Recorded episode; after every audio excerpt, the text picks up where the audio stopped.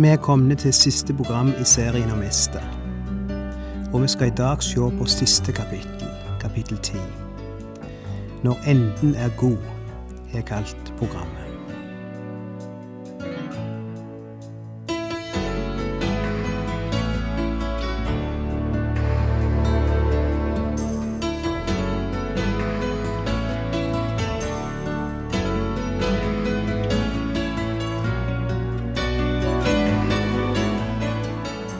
Hjertelig velkommen til et nytt program i serien Vindu mot livet.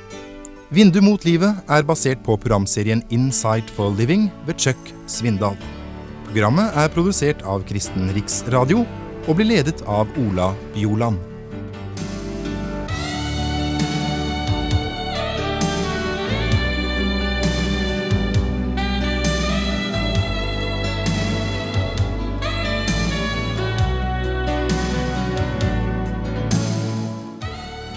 Et av de store temaene i kristendommen er det kristne håp. Ikke et håp som likner på en vag, fjerne draum, men et triumferende håp. Et håp om at ting skal ende godt til slutt. Som den engelske poeten uttrykte det i det som er blitt et kjent ordtak. Når enden er god, er allting godt og enden for oss skal verte at Kristus sitter igjen som seierherren. Og hvis du liker historier som slutter godt, så vil du elske kristendommen. Midt i vår kamp og vår slit og våre stormer i livet og i vår lidelse, så kan vi se fram til et håp om at en dag skal alt ende godt. Det skal verte seier. Det skal verte fred. Det skal verte frihet ifra smerte. Alt det vonde skal ha en slutt, fordi Gud skal vinne. Tenk på det. All jordisk elendighet, alle vonde opplevelser, all fysisk og psykisk smerte, alle familietragedier, alle kriger, alle rykter, all djevelskap, alt det skal ta slutt, og vi skal være sammen med Han. Og sammen med han vert alt harmoni og enhet og seier og glede og fred. Alle konflikter er over. Ingen splittelse av familie. Ingen argumenter med kona. Har om et ektepar som heter Helga og Henry. De hadde vært gift i 60 år. Så skulle de feire diamantbryllup. Er det ikke det de feirer etter 60 års ekteskap? Jeg tror det var diamantbryllup. Og de krangla hele dagen i forveien, som de gjorde alle andre dagene. Og da de skulle gå til sengs om kvelden, sa Helga til Henry. I kveld når vi ber aftenbønn, aftenbønn, kanskje vi skulle be om fred. Vi ber om at Gud må gi oss fred, Henry. Vil ikke det vært fint? Vi ber om at Han må ta deg heim til seg, og så kan jeg bo hos søstera mi Olga. Det er måten vi ofte løser konflikter på, å skilje lag. Men slik skal ikke konflikter løses den dagen vi ser fram til, vi som tror. Det skal ikke løses noen konflikter der, forresten, for ingen konflikter vil oppstå da. Fordi vi vil verte forandra fra innsida. Vi vil få nye naturer, eller rettere sagt, våre gamle naturer som alle konflikter sprang ut ifra, vil være borte da. Vi vil ha kun en ny natur, et nytt sinn, en ny kropp. Det hjelper å tenke på det når livet blir vanskelig av og til. Jesus var sammen med sine elleve før han ble arrestert og hengt på korset, og de var fulle av frykt. De hadde nettopp hørt han si at han skulle forlate de og dø. Vet du hva slags ord han trøsta de med når de, når de var lengst nede? Han trøsta de med håpet. Han sa, La ikke hjertet deres uroes, tro på Gud og tro på meg. Og så la han til, I min, i min fars hus er det mange rom. Han roa de ned ved å minne de om at når enden kjem, vil Gud vinne. Når enden kjem, vil det ikke være noen frykt lenger, ingen bekymringer, ingen krig, Ingen konflikter. Ingen grådighet. Ingen misunnelse. Alt det vil ta slutt. Når vi først er inne på dette, så la oss lese et par av de kjente versene fra Johans åpenbaring som handler om dette. Eh, der står det ikke bare at det vil verte en ny himmel, men også en ny jord. Kapittel 21. Og jeg så en ny himmel og en ny jord. For den første himmel og den første jord var borte, og havet fantes ikke mer. Og vers fire. Han skal tørke bort hver tåre fra deres øyne, og døden skal ikke være mer, heller ikke sorg eller skrik eller smerte. For det som før var, er borte. Når enden er god, ja, enden skal bli god for de som hører Jesus til, for han skal seire. Og hvis du liker historier som slutter godt, så vil du like historien om Jesus. Og du vil like boka Mester, for det er ei bok som slutter godt. Jeg kan ikke fordra filmer eller bøker som slutter tragisk. Jeg er så gammeldags og så romantisk at jeg liker gode avslutninger. Da kan det være så dramatisk og spennende det vil i løpet av historien, bare en slutta godt. La oss sjå hvordan boka slutta, forresten. Det er kapittel ti, og det er et kort kapittel på bare tre vers. Et av de korteste kapitlene i hele Bibelen. Kanskje det er det korteste, jeg er sannelig ikke sikkert i farten, men iallfall lyder det slik. Kong Serkses la skatt både på fastlandet og på øyene i havet. Alt det han gjorde i sin makt og velde, og en nøyaktig framstilling av den høye rang og verdighet som kongen ga Mordekai. Det er skrevet opp i Meder og perserkongens krønike. For jøden Mordekai var nest etter kong Serses i makt. Han var høyt æret blant jødene og avholdt av alle sine landsmenn. Han sørget stadig for sitt folks beste og talte til gagn for hele sin ett. Punktum. Der slutta Esters bok. Og den slutta slik jeg liker at historia skal slutte. Vi møter altså den samme kongen som boka starta med. Xerxes er fortsatt konge. Vi er det samme landet, de samme 127 statene som strekte seg fra India til Etiopia. Ingenting av det ytre forandrer seg. Landet heter fortsatt Persia, og hovedstaden heter Susa, med det samme styresett. Forskjellen er at nå er vondskapen tatt ved roten. Det vonde er rydda av veien. Haman er borte.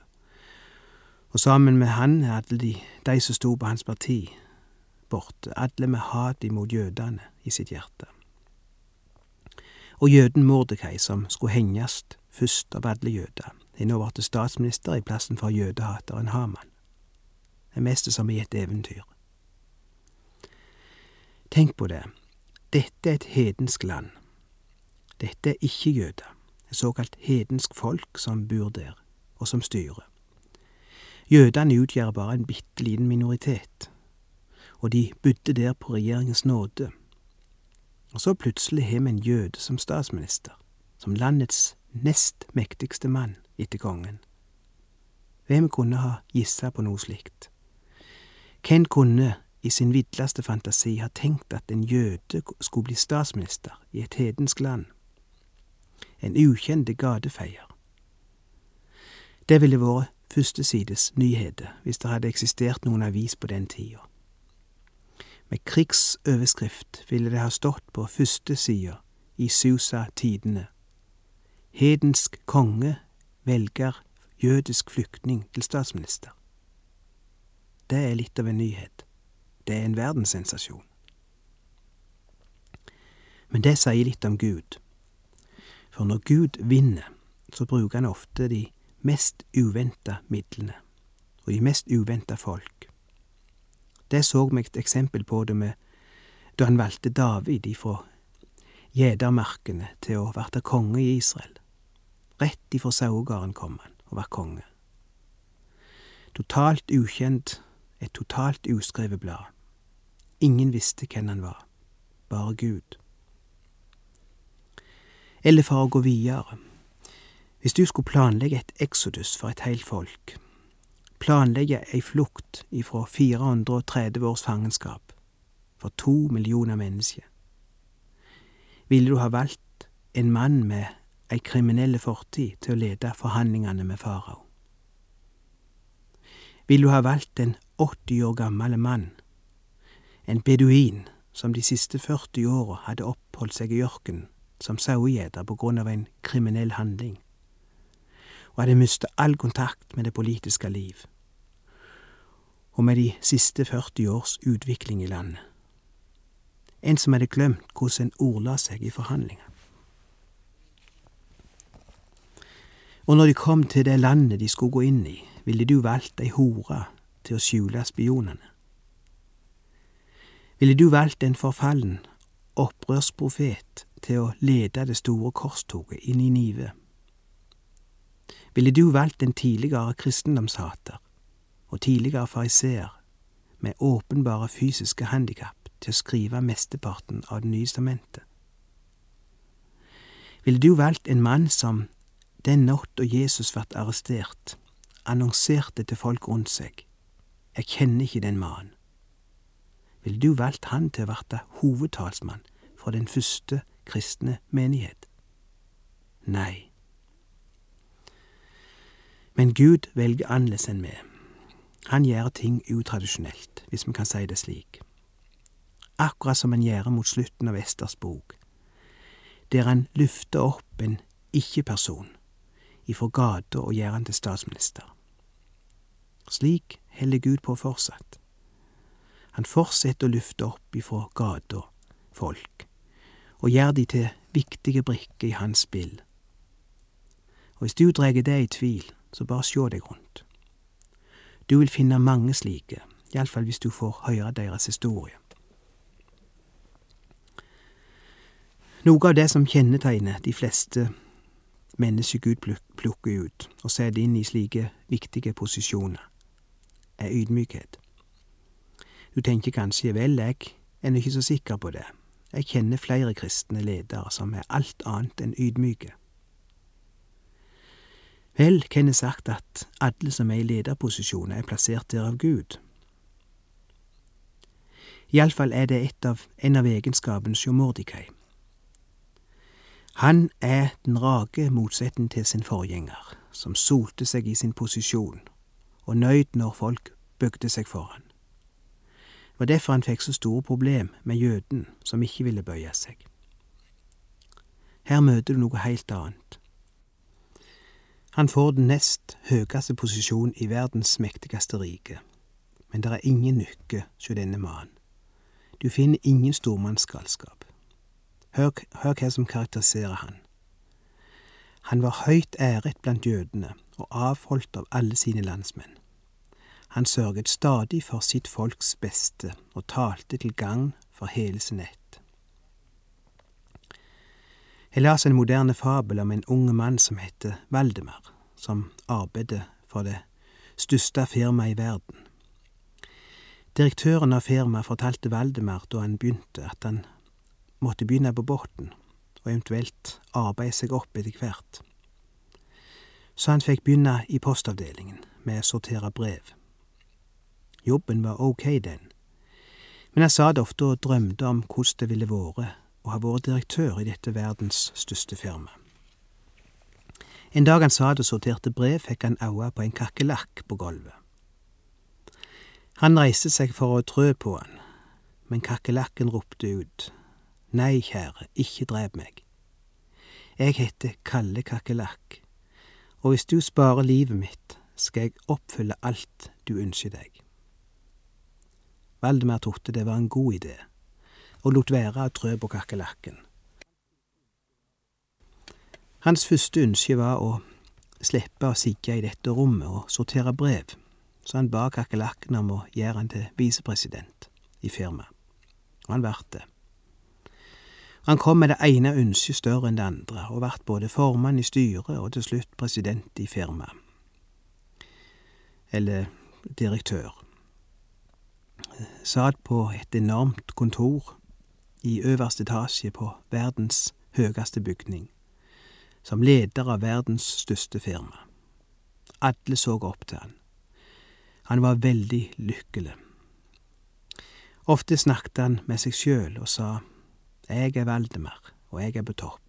Ingen er høyere enn meg.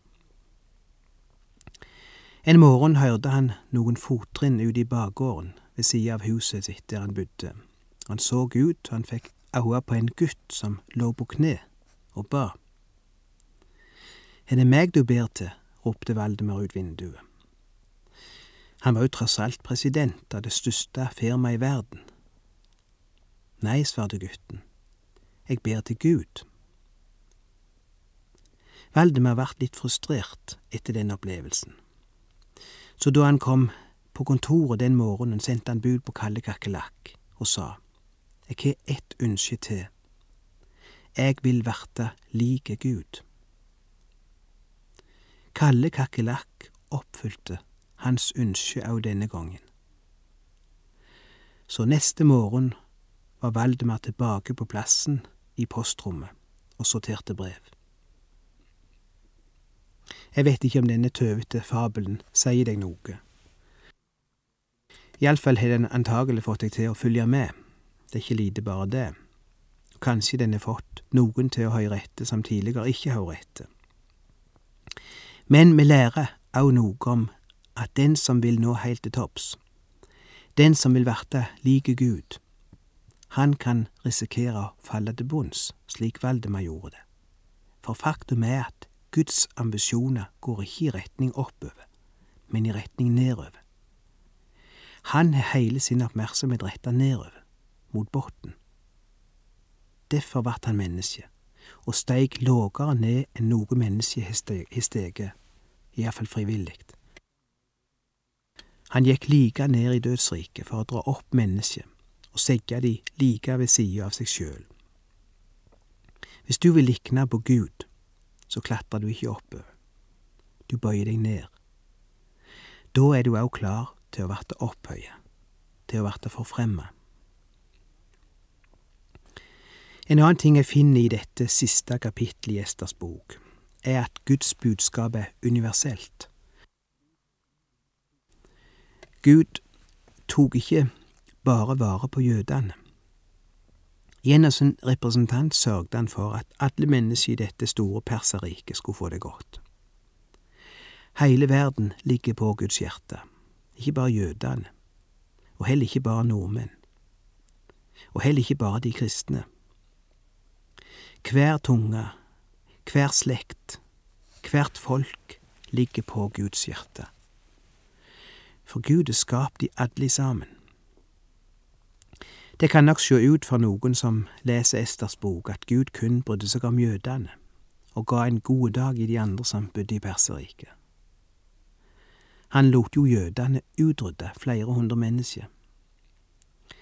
Men når vi kommer til slutten, ser vi at Gud bryr seg om alle. Av og til må han gå hardt fram for å stanse urett og opprette rettferdighet og fred. Men når rettferdigheten seirer, så lar han den komme alle mennesker det gode. Hele folket fikk glede av den nye tilstanden i riket. For så høyt har Gud elsket verden, lærte vi på søndagsskolen. Verden. Tenk, han elsker verden. Hvorfor elsker han verden? Fordi verden er hans, ganske enkelt. Fordi det er hans menneske. Det er hans verden. Derfor elsker han de. Og derfor vil han frelse dem. For så høyt har Gud elsket verden, at han ga sin sønn, den enbårne, for at hver den som tror på ham, ikke skal fortapes, men ha evig liv. Det er det som gjør at hvor som helst vi er og forkynner evangeliet, så passer det inn. Samme hvor i verden du reiser og forkynner dette budskapet, så passer det. Du kan forkynne det på engelsk, for engelsktalende folk, og det passer. Du kan reise rundt halve kloden og forkynne det for indianere i Sør-Amerika. Det passer òg for deg. Du kan forkynne det for Østens religiøse folk. Det samme budskap som ble tok imot blant bønder og fiskere i ei avsides bygd i Norge.